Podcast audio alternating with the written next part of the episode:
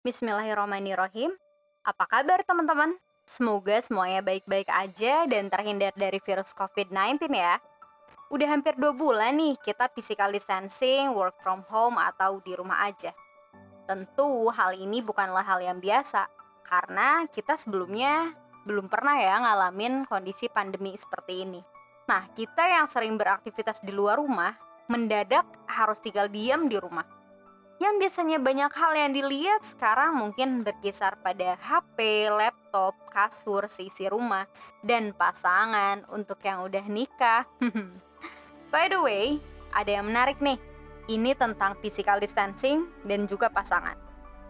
Ada yang bilang, katanya physical distancing itu malah bikin keretakan rumah tangga karena kita jadi lebih intens bareng sama pasangan dan memunculkan banyak konflik jadi makin sering berantem gitu. Bener gak sih? Kalau di masa awal nikah, rasanya kan ingin selalu berdua. Dunia tuh kayak milik berdua gitu. Eh sekarang di masa corona, gak bisa tuh berdua-berduaan kayak gitu. Aduh, semoga kamu gak ngerasain kayak gitu ya.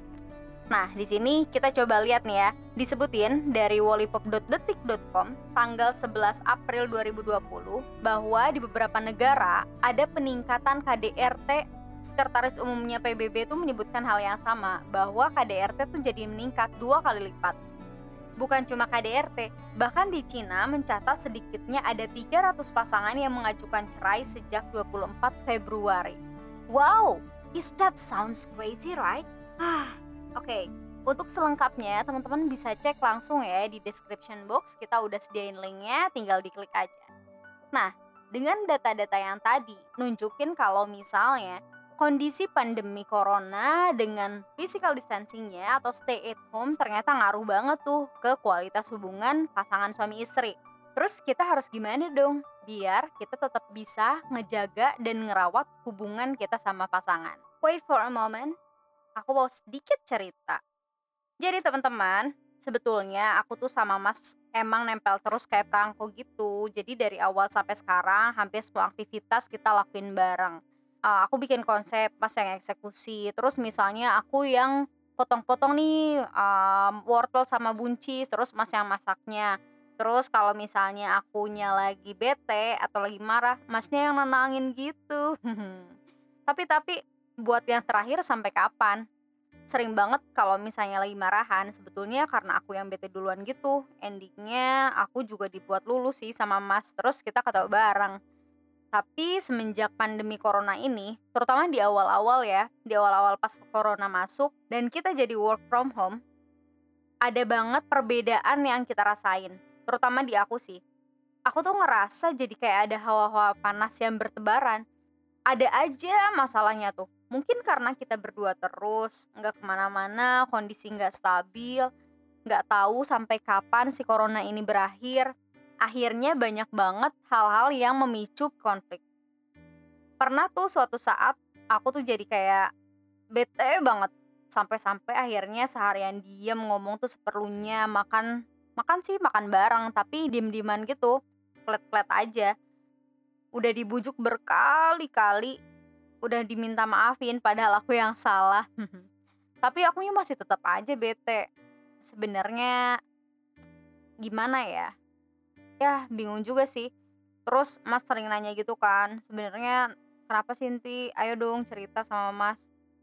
Tapi pas mas ngomong kayak gitu tuh aku ngerasa ya mulut aku tuh kayak kunci. Dalam hati bete banget pengen baikan tapi bingung mulainya pengen cerita tapi ragu makin kesel sama diri sendiri Aduh, kalian suka ngerasa kayak gitu gak sih? Ya kadang-kadang bingung juga karena uh, sumber masalahnya di pasangan. ya maksudnya lagi kesel gitu kan, terus tiba-tiba ya masnya ngebaikin. Senang tapi aku tuh keselnya sama kamu gitu loh. Aduh, gimana ya? Tapi kayak gitu, jadinya tuh konflik gitu. Sampai akhirnya pas mau tidur masih tetap sama aja kan jadinya pusing sendiri mau tidur nggak bisa terus nggak jadi nggak tenang dan aku tuh ngerasa kayak mas juga sama nggak tenang nggak bisa tidur dia pas kayak itu kan jadinya bingung ya gimana nih supaya bisa mulai masa sih mau, terus-terusan kayak gitu gitu kan Masa seharian udah bete terus besoknya masih bete lagi? Kayaknya harus diberesin deh malam ini. Tapi gimana? Gimana caranya? Akhirnya si mulut aku tuh bisa ngomong, gengsinya turun. Hah, pusing banget malam itu. Sampai akhirnya aku tuh nggak tahu kenapa tiba-tiba tuh di pikiran aku tuh jadi kayak ada pertanyaan gitu. Tiba-tiba tuh jadi nanya, sebenarnya apa sih tujuan kamu buat nikah, Put? Hmm, apa ya? Bukannya untuk ibadah ya? Jadi kayak ngomong gitu di dalam pikiran. Oh iya ya, aku kan nikah niatnya untuk ibadah. Dan nikah itu adalah ibadah terpanjang. Ibadah seumur hidup yang cobaannya juga besar banget. Sampai-sampai ada yang bilang kalau misalnya ada setan yang bisa bikin pasangan suami istri cerai, mereka tuh baru disebut punya prestasi. Jadi kalau misalnya ada setan yang bisa bikin orang jadi korupsi, bikin orang jadi bohong, orang jadi nyuri, itu tuh belum prestasi. Kalau misalnya udah bisa bikin orang cerai itu baru prestasi. Makanya kenapa kita tuh benar-benar kayak diminta buat ngejaga banget rumah tangga kita karena karena ini tuh adalah suatu ibadah yang panjang dan besar banget. Dan yang sulit itu adalah tetap taat sama suami pas kita lagi bad feeling ke suami sendiri tentunya. Ini tuh tantangannya. Surga kita itu ada di suami. Gimana caranya supaya kita tetap bisa taat? Dan aku juga jadi keingetan sama suatu pembahasan di psikologi perkembangan waktu dulu kuliah. Di situ disebutin kalau di masa dewasa awal menikah itu adalah suatu tugas perkembangannya dan di dalamnya ada yang namanya penyesuaian pernikahan. Nah, di masa itu bakalan banyak konflik dan itu tuh wajar karena ya dua manusia bersatu, dua pemikiran, dua orang dengan latar belakang pola asuh yang beda. Jadi wajar kalau di awal banyak konflik karena baru tahu the real self of your spouse ditambah kondisi pandemi yang bikin makin jelimet aku pun jadi ingat masa-masa awal aku mutusin buat nikah sama Mas. Apa sih visi misi pernikahan kita, tujuan kita, semua perencanaan yang udah kita buat. Kita tuh sampai bikin proposal pernikahan loh yang kita buat dan kita sepakati. Dan sampai akhirnya kita melangsungkan pernikahan, Mas mengucapkan ijab kabul. Di situ misakun Golizo udah terbentuk kan, itu tuh sebuah perjanjian yang luar biasa kuat. Dan jadi tersadar gitu langsung kayak ketampar gitu hei ini tuh bukan permainan loh. Kamu nggak bisa dong terus-terusan kayak gini. Ah ya Allah. Akhirnya aku tersadar kalau oke okay, aku tuh udah terlalu ke bawah sama suasana atau lebih tepatnya membiarkan masuk ke lubang hitam gitu. Aku jadi sadar aku udah ngasih respon yang basic banget lah ke suami. Yang sebenarnya aku tuh ya cinta lah aku sayang banget gitu kan sama suami aku. Dan akhirnya dengan mengucap bismillah dan cuma bisa mohon sama Allah gimana caranya ya Allah tolong bantuin tolong bantuin supaya aku bisa mengkomunikasikan apa yang aku rasa apa yang ada permasalahan yang ada supaya aku bisa selesai masalahnya gitu kan akhirnya alhamdulillah kesabaran mas berbuah manis Allah pun bantu aku supaya bisa bilang semuanya, dikomunikasiin semuanya meskipun secara perlahan. Jadi nggak harus langsung semuanya kan. Yang terpenting adalah kita bisa menyampaikan masalah-masalah itu dan mencari solusinya. Dan alhamdulillah akhirnya yang tadinya beku sekarang udah cair, yang awalnya jauh sekarang udah deket lagi, dan kita pun larut dalam komunikasi yang begitu dalam. Pillow talk itu jadi lebih berkualitas kita jadi saling menghargai, saling tahu apa kebutuhan kita masing-masing, apa perasaan kita, apa harapan kita. Dan alhamdulillah akhirnya kita bisa lebih sering menghormati atas apa yang kita rasa dan apa yang kita inginkan. Konflik itu pun mendapatkan solusi yang bikin kita jadi belajar ngerawat rasa yang Allah kasih ini. So teman-teman, kalau di masa sulit ini kalian ngerasa hubungan dengan pasangan mulai terganggu, tenang aja ya, kita coba fokus sama solusinya bukan fokus sama masalahnya kalau kamu ngerasa ada banyak perilaku error, yang pertama harus kamu lakukan adalah ambil jeda dan sadari. Mungkin kamu emang butuh waktu sendiri untuk menyelami dirimu. Sadari dengan jujur apa sih yang saat ini terjadi, emosi apa sih yang lagi kamu rasain, hal apa sih yang ngeganggu, betul nggak sih kalau kamu jadi korban? Atau apa sih peran kamu dalam konflik itu? Apa benar masalah ini nggak bisa diselesaikan? Atau sebenarnya sih bisa aja, tapi kamu butuh waktu yang lebih banyak. So be aware to yourself guys. Dan setelah kita sadar kondisi kita yang sebenarnya, cara yang kedua adalah yuk coba komunikasikan dengan pemilik kita, yaitu Allah. Kenapa? Karena Allah yang maha kuasa kan Allah yang maha berkehendak dan cuma Allah yang bisa melakukan apa yang mustahil untuk dilakukan Dan hanya dengan izinnya masalah kamu, masalah kita, masalah aku bakalan selesai So, let Allah guide you to the right way Nah, biar lebih mantep lagi, aku mau share tips ngatasin konflik pasutri di kala pandemi atau toxic situation in our home dari siapa? Dari Elizabeth Dorrance Hall. Dia itu adalah seorang asisten profesor di bidang komunikasi dan kepala laboratorium Family Communication and Relationship di Michigan State University. Doi bilang, dalam masa isolasi ini, ketegangan tuh sangat tinggi. Dan kita semua bakalan berpotensi melakukan kesalahan atau mengatakan hal yang salah saat kita sama-sama di rumah aja. Dan untuk ngatasinnya, Doi kasih beberapa tips mantul nih guys. Yang pertama, jangan mengkritik pasangan dengan kata selalu dan tidak pernah. Hati-hati buat teman-teman yang masih suka bilang, dah kamu mah nggak selalu kayak gitu, atau kamu nggak pernah ngertiin aku, atau kamu nggak pernah setia. Dan semua enggak pernah dan selalu yang sering kamu ucapin dengan volume 5 oktav Guys, itu tuh menyakitkan. Aduh, kata selalu dan gak pernah itu benar-benar menjatuhkan pasangan kita loh. Kita tuh suka lupa ya kalau pasangan kita juga punya hati. Hmm, kasihan banget ya Allah. Nah, sekarang saatnya kita berubah. Berubah jadi apa? Jadi Iron Man.